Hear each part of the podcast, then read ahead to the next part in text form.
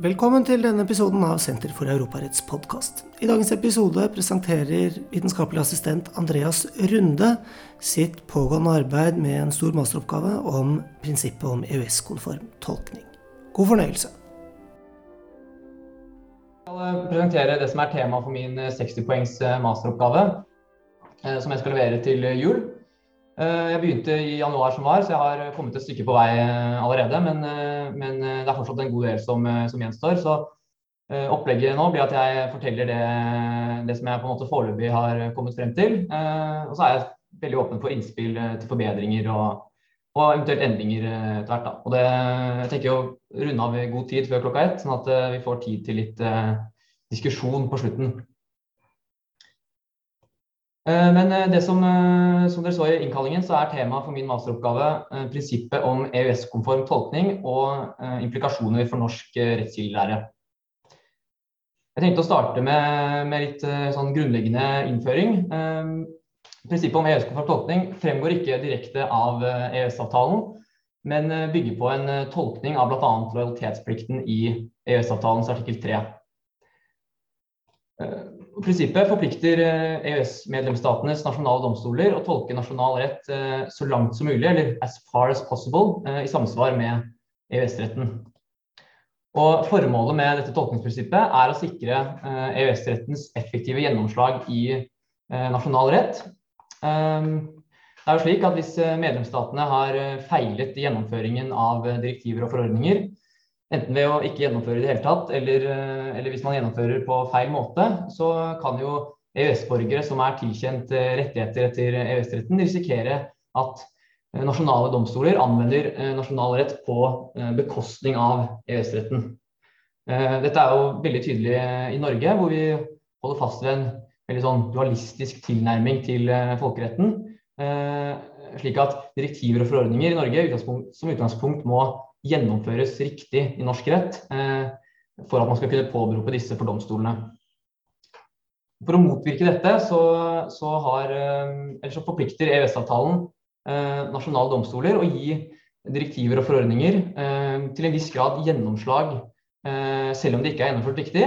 Ikke, ikke via direkte virkning og forrang, slik man har i EU, men, men via en EØS-konform tolkning av nasjonal rett. Så det man kan si litt sånn overordnet, er at uh, på en måte det som er hoveddomenet til prinsippet om EØS-konform tolkning, er der hvor man har mindre uoverensstemmelser mellom uh, nasjonal rett og EØS-retten. Så kan jeg legge til for å gi det fulle bildet her at uh, selvfølgelig så er det et tilsvarende prinsipp om EU-konform tolkning i EU. og at prinsippet der har samme funksjon, nemlig å sikre EU-rettens effektive gjennomslag i EUs medlemsstaters rettssystemer. Eh, men så er det jo en viktig modifikasjon i EU, eh, fordi i EU har man jo prinsippet om direkte virkning og forrang. Eh, og disse innebærer jo at motstridende nasjonal rett faktisk må tilsidesettes til fordel for EU-retten, og ikke bare tolkes i overensstemmelse med den. Slik at prinsippet om EU-konform tolkning først og fremst har praktisk betydning der EU-retten ikke lenger har direkte virkning, da, som vil si hovedsakelig i horisontale eh, rettsforhold, eh, og eventuelt der eh, reglene ikke er tilstrekkelig klare og ubetingede til å kunne ha direkte virkning, men da kanskje likevel klare nok til å kunne bidra i tolkningen av nasjonal rett. Så har jeg lagt til et sitat her bare for å vise hvordan EFTA-domstolen formulerer seg når den utlegger plikten til EØS-konform tolkning. Så her det står at nasjonale domstoler is bound to interpret interpret domestic law so far as possible uh, in light of the wording and the purpose of the directive in order to achieve the results sought by the directive and consequently comply with uh, articles 3. Og så er det også henvist til artikkel 7 og protokoll 35, som man selvfølgelig kan diskutere hva ligger i. Poenget er vel at uh, alle disse bestemmelsene er uh, ting som gjelder gjennomføringen av EØS-retten i nasjonal rett, og at prinsippet om EØS-konform nettopp handler om en slags forlengelse av plikten til å gjennomføre EØS-retten i nasjonal rett. Da. Men så er det jo slik at uh, det er ganske sjelden at man ser at det henvises til prinsippet om EØS-konform tolkning uh, i norske domstoler. Uh, og som jeg har sett at i hvert fall Fredriksen og Mathisen påpeker i sin lærebok, så henger nok dette sammen med de uttalelsene Høyesterett kom med i Finanger 1-dommen, som alle sikkert kjenner godt. For der redegjorde jo, jo Høyesterett for prinsippet om EU-konform tolkning, og, og, konkluderte til slutt med at det ikke var holdepunkter for at prinsippet om direktivkonform tolkning, slik det er utviklet i EU-retten, går lenger enn presumsjonsprinsippet i norsk rett. Og de fant derfor ikke grunn til å gå inn på spørsmålet om prinsippet om direktivkonform tolkning i EØS-retten går like langt som i EU-retten. Dette har eh, på en måte blitt eh, litt standarden for hvordan man går frem når man tolker eh, EØS-konformt. Man bygger på presumpsjonsprinsippet. Eventuelt så bygger man ikke på, på, noe som helst, men bare tolker EØS-konformt uten, uten, å forankre rettskildebruken i noen prinsipper i det hele tatt. Og litt forenklet så er egentlig problemstillingen i min masteroppgave om de standpunktene Høyesterett her tok til forholdet mellom presisjonsprinsippet og prinsippet om EU-EØS-konform tolkning Eh, fortsatt kan opprettholdes i lys av litt nyere eh, praksis fra særlig EU-domstolen. Og For å ta stilling til dette, så må man egentlig først ta et steg tilbake. Eh, det er nemlig det man først må, må gjøre, man må ta stilling til om prinsippet om EØS-konform tolkning i det hele tatt kan gå lenger enn presumsjonsprinsippet, helt uavhengig av hva presumsjonsprinsippet går ut på. Hvis man ser eh, de uttalelsene Høyesterett kom i i Finanger, de virker som Høyesterett der forutsetter at eh, og eh, prinsippet om EØS-konform tolkning på en måte er to konkurrerende prinsipper som man må sammenligne rekkevidden av. Så kan man spørre om det egentlig er helt riktig. Alternativet er at prinsippet om EØS-konform tolkning i alle tilfeller er begrenset til hva som er mulig innenfor rammen av nasjonale rettskildeprinsipper, slik at det ikke kan gå lenger enn presumpsjonsprinsippet, helt uavhengig av hva eh, det går ut på. Som jeg har skrevet nederst her, uh, er det nasjonal rett eller EØS-retten som setter rammene for hvor langt nasjonale domstoler må gå i å tolke EØS-konformt? Dette spørsmålet er ikke egentlig eh, særegent for EØS-avtalen heller. Det, det, er faktisk blitt omfattende diskutert i EU, som har vært litt utfordrende for meg. fordi det er, såpass, eh, det er så stort tilfang av eh, litteratur rundt om i Europa om, eh, om, akkurat dette spørsmålet. Men måten jeg har gått fram på foreløpig, er i hvert fall å, å, først se Eller prøve å først finne ut hva svaret på dette spørsmålet er i EU. fordi hvis prinsippet om EU-konform tolkning ikke kan gå lenger enn hva EUs medlemsstaters rettskildelære tillater, så vil det jo i hvert fall ikke være slik i EØS. ja, så mm, jeg starter med EU-domstolens praksis. og, og mm, det man ser der, er at eh, standard, en av standardformuleringene EU-domstolen bruker, etter at de har slått fast at man skal gå så langt som mulig, so far as possible, så presiserer de ofte dette til at uh, it requires national courts to do whatever lies within their jurisdiction, uh, taking the whole body of domestic law into consideration and applying the interpretive methods recognized by domestic law. Og de uh, henvisningene EU-domstolen her gjør til nasjonale domstolers jurisdiksjon eller, eller kompetanse da, og, og, tolkningsregler anerkjent i nasjonal rett, de eh, tilsier jo at det er nasjonale tolkningsprinsipper som er avgjørende. Eh, dette betyr jo ikke at eh, nasjonale domstoler står helt fritt, men at det kun er liksom innenfor det tolkningsspillerommet dommerne har etter sin, sin medlemsstats nasjonale rettskildelære, at man plikter å nå EU-konforme resultater. slik at f.eks. litt med norske øyne, da, at eh, ordlyden er åpen for flere alternativer. Alternative tolkningsresultater, eller at en forarbeidsuttalelse kan forstås på flere måter. Så vil man da være forpliktet til å tilstrebe å velge det alternativet som i størst mulig grad oppfyller eh, EU-retten. Men likevel slik at da eh, prinsippet om EU-konform tolkning ikke griper inn i det tolkningsbildet, altså hvor stort dette tolkningsbildrommet er. Så har man samtidig en del avgjørelser som ikke er så lett å forene med disse utgangspunktene. Uh, og de har fått ganske mye oppmerksomhet i juridisk teori, og de vil også være ganske sentrale for, eh, for min uh, masteroppgave. Fordi det er nemlig slik at EU-domstolen noen ganger går veldig langt i å kreve EU-konforme tol EU tolkninger av nasjonal rett, og faktisk noen ganger oppstiller helt ubetingede krav da, til nasjonale domstolers tolkning og rettsanvendelse. Um, måten jeg har gått fram på foreløpig, er å dele inn disse avgjørelsene i to eh, grupper. Eh, som man ser her, altså, det er noen som, som tilsier at, uh, at prinsippet om EU-konform tolkning kan være en slags resultatforpliktelse. Kommer straks tilbake til hva jeg mener det. Så er det noen grupper av dommer som heller oppstiller generelle metoderegler. Og Den første gruppen av avgjørelser som jeg, jeg ser på i oppgaven, er de som oppstiller eller gir inntrykk av at plikten til EU-konform tolkning kan være en, en, slags resultatforpliktelse. og det, Grunnen til at jeg sier det, er at de, og det er særlig da Mar og Spedition Welter som jeg har referert til her, som, som kan uh, tjene som eksempel på det. For der eh, formulerte EU-domstolen eh, prinsippet om EU-konform tolkning ganske firkantet, og, og, ga inntrykk av at de foreliggende domstoler var omtrent tvunget til å, å tolke nasjonal rett EU-konformt, helt uavhengig av hvilke muligheter de hadde til dette etter nasjonal rett. Da.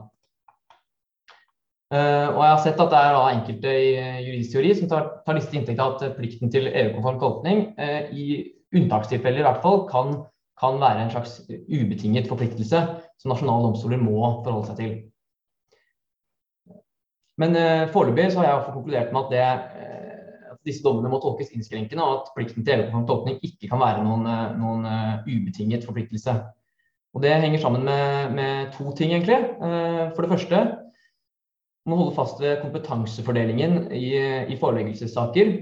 Det er jo nemlig slik at uh, Det følger jo av traktatens artikkel 267 er det vel, og, og fast praksis fra EU-domstolen at nasjonale domstoler er de som har kompetanse til å tolke nasjonal rett, mens EU-domstolen kun kan tolke EU-retten.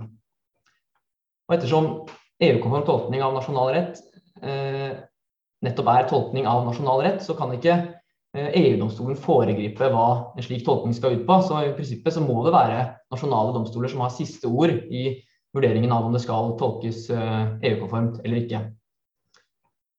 Eh, det andre poenget er at EU-domstolen opererer med et skille mellom direkte virkning og EU-konform tolkning. Og hvis man skal faktisk opprettholde dette skillet, så kan ikke EU-domstolen kreve en EU-konform tolkning uten at uh, nasjonale domstoler har noe, noe tolkningsspillerom igjen, fordi det langt på vei vil innebære en slags de facto direkte virkning av, uh, av direktiver. Da. Uh, eller for så vidt annen EU-rett. Men her er det selvfølgelig sikkert rom for flere oppfatninger, så jeg har ikke helt bestemt meg for hva jeg skal lande på her ennå, men i hvert fall noen hovedpunkter. da. Men så har vi altså det som jeg oppfatter som noe annet enn at man krever et EU-konformt resultat, men uh, isteden de dommene hvor EU-domstolen oppstiller uh, metoderegler som nasjonale domstoler må forholde seg til. Dette er den andre gruppen av dommer jeg har sett på, som jeg skal bruke noen minutter på nå. For det første så, så har EU-domstolen flere ganger slått fast at det skal gjelde en slags presumpsjon om EU-konform eh, lovgivervilje. Uh, som du ser av sitatet her, at Eh, når nasjonale domstoler tolker og anvender nasjonal rett, så må de uh, presume that the state had the intention of fulfilling entirely the obligation arising from the directive concern. Hvis man skal ta dette på ordet, så krever egentlig EU-domstolen her at man, bruke, at man skal operere med en presumpsjon for at lovgivningen har vært å oppfylle forpliktelsene etter et direktiv. Uh, og det er jo, slik jeg forstår det, i hvert fall, en metoderegel. Uh, med norske øyne kan man kalle det en slags norm for slutning hvordan man skal slutte ut fra forarbeidene. Hvis man ikke har holdepunkter for noe annet, så skal man legge til grunn at eh, lovgiverviljen har vært å oppfylle eh, EU-forpliktelsene. Eh, så må man merke seg at Det sies ikke her noe om hvorvidt denne presumsjonen kan tilbakevises. og det, det, står jo selvfølgelig da nasjonale domstoler fritt til å selv avgjøre om man kan fravike presumsjonen med utgangspunkt i andre holdepunkter. Men mens presumsjonen skal likevel være at man har hatt til hensikt å oppfylle EU-retten. Så det man ser er at da øh, denne regelen her den normerer på en måte bare en flik av den tolkningsprosessen man må gjennom som nasjonal domstol når man skal øh, avgjøre om, om, det faktisk kan tolkes EU-konformt eller ikke. da. Så har vi en litt mer, øh, kanskje litt mer kontroversiell avgjørelse fra, fra denne Bjørnekulla-dommen. For der, der slo EU-domstolen fast at i denne forpliktelsen til å gå as far as possible, så eller, at den forpliktelsen gjelder uansett om det i forarbeidene eh, kan være tolkninger eller uttalelser som går i en annen retning enn en EU-konform tolkning. Um, det er likevel slik at den, den, regelen som her ble formulert, kanskje helst bør tolkes litt innskrenkende. fordi Situasjonen i dommen her var at, at Sverige ved implementeringen av varemerkedirektivet i, for, i forarbeidene til den svenske varemerkeloven forutsatte en bestemt tolkning av en bestemmelse i direktivet som, som senere viste seg å være uriktig. Um, slik at man hadde en generell om, om en generell lovgiverintensjon om å oppfylle forpliktelsene etter direktivet, samtidig som man hadde en ubevisst EU-stridig uttalelse i relasjon til en konkret bestemmelse i direktivet. Så um, dette kravet om å fravike forarbeidsuttalelser må kanskje helst begrenses til å gjelde i slike eh, situasjoner. Da. Og I så fall så kan man si at uh, det, denne dommen er et predikat for at den generelle eh, intensjonen om uh, EU-konformitet hos lovgiver uh, trumfer, eller ja, ikke kan tilbakevises av, av mer spesifikke forarbeidsuttalelser som, som, som ubevisst er EU-stridige. Og så har vi i nyere praksis eh, så har det blitt utviklet en litt, eh, en litt annen metoderegel. Eh, I denne IOS-saken, som sikkert flere kjenner, for den fikk jo litt oppmerksomhet. Der Jeg har ikke tid til å gå så mye inn på saksforholdet, men, men det gjaldt iallfall en foreleggelse fra Danmarks høyesterett om tolkningen av et direktiv. Og i foreleggelsen for EU-domstolen så la Danmarks høyesterett til grunn at hvis EU-domstolen tolket direktivet på en bestemt måte, så ville det i så fall være umulig for eh, Danmarks høyesterett å tolke dansk rett i overensstemmelse med, med direktivet, eh, fordi det ville være i strid med fast dansk rettspraksis. Og Den begrunnelsen aksepterte ikke EU-domstolen, eh, og de slo fast i 1833, som, som jeg har sitert her, at eh, kravet om å tolke nasjonal rett i overensstemmelse med EU-retten entails the obligation for national courts to change its established case law. Um, så ble det, dette begrunna litt nærmere i neste avsnitt her. Man, nasjonale domstoler ikke, ikke, ikke med gyldighet kan, kan, hevde at det ikke er mulig for dem å tolke EU-konformt uh, by mere reason of the fact that it has consistently interpreted that provision in a manner that is incompatible with EU law. Den første kommentar til dette er at man må merke seg at EU-domstolen ikke pålegger Danmarks høyesterett her å nå et EU-konformt eh, resultat, slik jeg har sett noen, eh, noen mener i, i, teorien. Det eneste den sier, er at rettspraksis alene ikke kan stå i veien for en eh, EU-konform tolkning. Og Det er hvis man tenker på det, ganske selvsagt, fordi det motsatte ville legitimert at nasjonale domstoler fortsetter å tolke i strid med EU-retten, og at det på en måte blir en slags selvoppfyllende effekt. da.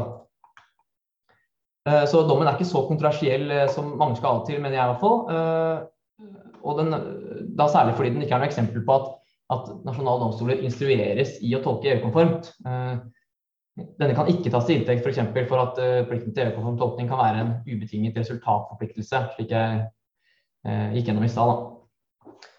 Uh, men, men, uansett så er det i hvert fall her en formulert en slags metoderegel om at nasjonale domstoler må fravike fast rettspraksis dersom det bare er denne som, som er i strid med EU-retten. Um, og, og, så kan jeg også legge til at denne formuleringen her er ettertid har blitt gjengitt veldig mange ganger og er i ferd med å etablere seg som en ny sånn standardformulering under prinsippet om EU-konform tolkning i EU-domstolens praksis. Eh, ja, og så kan jeg også legge til at, uh, at uh, Danmarks høyesterett også tolket uh, Altså ikke, ikke tolket EU-domstolens dom som et, en slags instruks om å tolke EU-konformt, Eh, de holdt nemlig fast ved den tolkningen de selv hadde gjort eh, etterpå, men la til, at, eh, la til at det ikke bare var rettspraksis i veien for en EU-konform tolkning, men, men, at det også var en lovgivervilje eh, som sto i veien for et EU-konformt resultat. Og det mener jeg at eh, kan aksepteres i lys av de eh, retningslinjene som EU-domstolen trakk opp. Men her er, også er det selvfølgelig rom for flere oppfatninger. Eh, det er for sånn jeg har tenkt. da. For å samle trådene litt, så, så, ser vi at EU-domstolen har konkretisert denne plikten til å gå as far as possible til mer konkrete retningslinjer eller krav til nasjonal metodelære. Og da kan man si at i den grad nasjonale rettskildeprinsipper ikke oppfyller disse kravene, så vil det i prinsippet innebære et brudd på plikten til EU-konform tolkning. slik at ja, at, at det, er, det, er, på en måte formulert som absolutte krav. Og det tas ikke noe forbehold fra EU-domstolen om uh, at det er adgang til, til uh, f.eks. å fravike rettspraksis etter nasjonal rettskilde. så kan man diskutere om det likevel er slik at det må leses inn en, en, på en måte en reservasjon om adgang etter nasjonal rettskildelære i de dommene hvor, hvor de oppstiller slike metoderegler. For å egentlig kunne forene ut disse metodekravene med de generelle uttalelsene om at det er nasjonale tolkningsprinsipper som er avgjørende osv. Dette, dette har jeg en litt lengre drøftelse av i masteroppgaven. Men foreløpig så har jeg konkludert med at de metodereglene som EU-domstolen har oppstilt, gjelder Eh, slik det er formulert, som absolutte eh, minimumskrav til nasjonale domstolers tolkning og rettsanvendelse. Og det henger litt kort oppsummert sammen med at for det første så mener jeg at eh, medlemsstatenes lojalitetsplikt og dessuten formålet om å sikre EU-rettens effektive gjennomslag tilsier at det bør gjelde visse minimumskrav for nasjonale domstolers rettsanvendelse ved EU-konforme tolkninger av nasjonal rett. Eh, ellers ville det eh, kanskje litt søkt, men, men, men, man kunne tenke seg at nasjonale medlemsstatene endret eh, rettskildelæren. Slik at det i prinsippet ville vært umulig da, å tolke EU-konform. F.eks. ved at man ikke lenger hadde lov til å ta i betraktning EU-rett som ikke var gjennomført. ja, for da ville, da ville, det vært helt umulig for nasjonale domstoler å tolke EU-konformt. Og så kunne man støtte seg på at nasjonale rettskildeprinsipper er avgjørende. Men det har jeg iallfall tenkt at det ikke kan aksepteres i lys av uh, lojalitetsplikten, særlig da, som er grunnlaget for, uh, for plikten til EU-konform tolkning. Så kan man selvfølgelig spørre seg om uh, kompetansefordelingen ja, om kompetansefordelingen i foreleggelsessaker er til hinder for, for, at man anser disse metodekravene som absolutte krav. Her tenker jeg foreløpig at ettersom disse metodekravene som jeg nå har gjennomgått, kun på en måte normerer enkeltelementer i eh, tolkningsprosessen, så er det ikke sånn at EU-domstolen tar over tolkningen av nasjonal rett, men, men eh, det vil fortsatt være nasjonale domstoler som ved bruk av nasjonale rettslige prinsipper må tolke EU-komfort, men man må forholde seg til da, enkelte minimumskrav. Da. Men eh, her er det også rom for flere oppfatninger, og jeg har nok ikke tenkt helt ferdig, ferdig her ennå. Altså. Men uansett så er det slik at hvis, hvis, eh, hvis, man først legger til grunn at disse metodekravene som jeg nå har gjennomgått, gjelder i EU-retten, så, så, må jeg jo da ta stilling til om de også gjelder i EØS-retten. Da kan jeg først, uh, først påpeke at EFTA-domstolen, kanskje enda tydeligere enn EU-domstolen, understreker at det først og fremst er en plikt til å utnytte det tolkningsspillerommet som finnes i nasjonal rett. At det, det liksom er kjernen i plikten til EØS-konform tolkning. At som jeg nevnte i stad, at man skal tilstrebe hver gang man har en mulighet innenfor rammene av nasjonale rettsprinsipper å tolke EØS-konformt, så skal man faktisk også tolke EØS-konformt. Det mener jeg for så vidt også er eh, hva skal jeg si, eh, hoved, eller kjer, selve kjernen liksom, i plikten til EU-konform tolkning også. Eh, men det er i hvert fall eh, kanskje også utelukkende dette som er eh, poenget med prinsippet om EØS-konform tolkning innenfor EØS-avtalen. Ehm, EFTA-domstolen har foreløpig ikke tatt stilling til om det gjelder eh, tilsvarende slike metoderegler som vi, vi så i, som at EU-domstolen har stilt opp, om det også gjelder etter EØS-avtalen. Riktignok med unntak av den presumsjonsregelen som jeg først uh, nevnte. Uh, helt nylig nå, før sommeren faktisk, så, og dette er ikke første gang, altså, men da nevnte EFTA-domstolen nok en gang at når de liksom utlegger innholdet i prinsippet om EØS-konform tolkning, at nasjonale domstoler må Uh, presume that the EA state had the intention of fulfilling entirely the obligation arising from the directives concerned. Så EFTA-domstolen også formulerer jo en presisjonsregel som jeg mener er en, en slags metoderegel. Uh, uten å ta forbehold om at det er uh, si, lov å, å, operere med en slik presumpsjon etter nasjonal rettskildelære. Men, eh, men disse, dette med at man etter omstendighetene må, må fravike rettspraksis eller, eh, eller eh, for så vidt forarbeidsuttalelser, det har ikke EFTA-domstolen foreløpig tatt stilling til. og mer overordnet, det her har ikke jeg kommet så langt ennå, men jeg har i hvert fall tenkt foreløpig at det må da bero på en avveining av homogenitetsmålsetningen i EØS-avtalen, som, som, helt klart tilsier at det skal være at disse, plikt, altså disse metodereglene også gjelder i EØS-avtalen versus da fraværet av direkte virkning, som kanskje kan tilsi det motsatte. Eh, I så fall må det bero da på eh, at, at disse metodereglene som EU-domstolen har utviklet, representerer en slags de facto direkte virkning av EØS-rett i nasjonal rett. Jeg har heller ikke helt konkludert ennå, men, men, jeg har litt vanskeligheter med å se at de metodiske kravene som EU-domstolen har utviklet, er helt det samme som direkte virkning.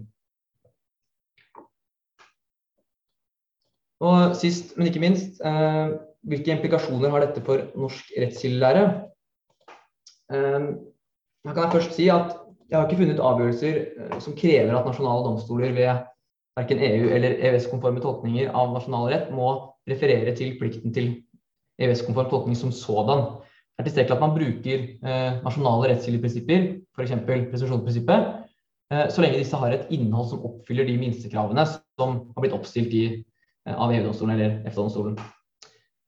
Så Spørsmålet blir jo heller da har vi, har vi oppfylt det. Altså, er presumsjonsprinsippet, eh, eller Oppfyller presisjonsprinsippet de kravene som EU-domstolen har oppstilt, og som man kanskje kan tro gjelder i EØS-avtalen? For det første så første observasjonen jeg har gjort, er jo at det kan diskuteres om, om norske domstoler alltid tolker EØS-konformt når dette er mulig innenfor rammen av norsk rettskildelære. Um, skal ikke gå inn på de avgjørelsene her, men, men, men eh, noen husker fra Finnanger igjen, så var det jo faktisk et unntak for sånn særlige grunner i, i eh, bilansvarsloven. Eh, slik at det var faktisk en åpning etter ordlyden der uh, til å tolke bilansvarsloven i overensstemmelse med, med motorvogndirektivet. Uh, og særlige grunner kunne jo sant, kanskje man kunne tenke seg at det også kunne omfattet uh, forpliktelser etter EØS-retten. Og så har jeg også slengt med, med klima, klimadommen fra før jul her, fordi der, um, der unnlot jo riktignok flertallet å ta stilling til om det gjaldt en sånn reparasjonsplikt etter EØS-retten, som i tilfelle ville da medført at bruddet på utredningsplikten etter plandirektivet skulle føre til ugyldighet. Men mindretallet i hvert fall viste jo at um, det var mulig å tolke forvaltningsloven 41 uh, i tråd med en slik reparasjonsplikt. Eh, ettersom eh, vel forarbeidene ga anvisning på at det ikke bare var eh, en sånn ren innvirkningsvurdering som hadde betydning for hvorvidt man skulle reagere med ugyldighet ved brudd på utredningsplikten. Så disse avgjørelsene kan man selvfølgelig diskutere om, om egentlig gikk langt nok da, i å prøve å tolke EØS-konvensjonen likevel innenfor rammen av norsk rettskildelære. Når det gjelder disse, disse kravene, metodereglene, som EU-domstolen har oppstilt, så her har jeg ikke kommet så langt ennå i undersøkelsen, men det jeg foreløpig har registrert, er at eh, vi har fått ganske mange eksempler på at norske domstoler går eh, tilstrekkelig langt, kanskje til og med mer enn langt nok, til, uh, i å tolke norsk rett EØS-konformt. Når det gjelder dette kravet om å fravike rettspraksis, så f.eks. en uttalelse fra Høyesterett i 2015 satt inn her om at eh, nye folkerettslige forpliktelser eller ny praksis fra konvensjonsorganer som klarlegger eller endrer forståelsen av eksisterende forpliktelser, er imidlertid omstendigheter som kan gi grunnlag for prejudikatsfravikelse. Når det gjelder eh, fravikelse av forarbeidsuttalelser, så har jeg funnet en eh, uttalelse fra den, den Løten kommunedommen fra 97. Det står at det finner det klart at den, denne noe uklare forarbeidsuttalelsen på et punkt i spesialmerknadene ikke kan føre til at norsk rett på dette punkt skal gi et videre vern enn direktivet. Så det ser uh, foreløpig i hvert fall ut som uh, at uh, norske rettskildeprinsipper kan si, oppfyller de kravene som da kanskje gjelder etter EU- eller EØS-avtalen når det gjelder metoden. Men inntrykket mitt er likevel at det er ganske lite bevissthet rundt hvor langt norske domstoler egentlig kan gå i å tolke EØS-konformt. Det som kan si, kanskje blir hovedbudskapet mitt, i hvert fall ut fra de konklusjonene jeg foreløpig har trukket, er at, eh, er at um, hvis det gjelder slike metoderegler som, som nå har gjennomgått uh, i EU, og for så vidt også EØS, uh, og kanskje særlig hvis det utvikles noen flere, uh, så kan norske domstoler med fordel argumentere litt mer overbevisende enn det gjøres i dag. Uh, Istedenfor uh, si, mer, mer, eller mindre løse henvisninger til, til presumsjonsprinsippet så kan man faktisk vise til at man er EØS-rettslig forpliktet til å tolke på den ene eller den andre måten. Det tenker jeg også vil være mer i tråd med den uh, litt nyere måten uh, å begrunne høyesterettsavgjørelser på. Man har sett hvor man liksom er mer åpen om hvilke rettskildeprinsipper man bygger på. Uh, bygger på ja. Det var egentlig det jeg hadde, så takk for meg.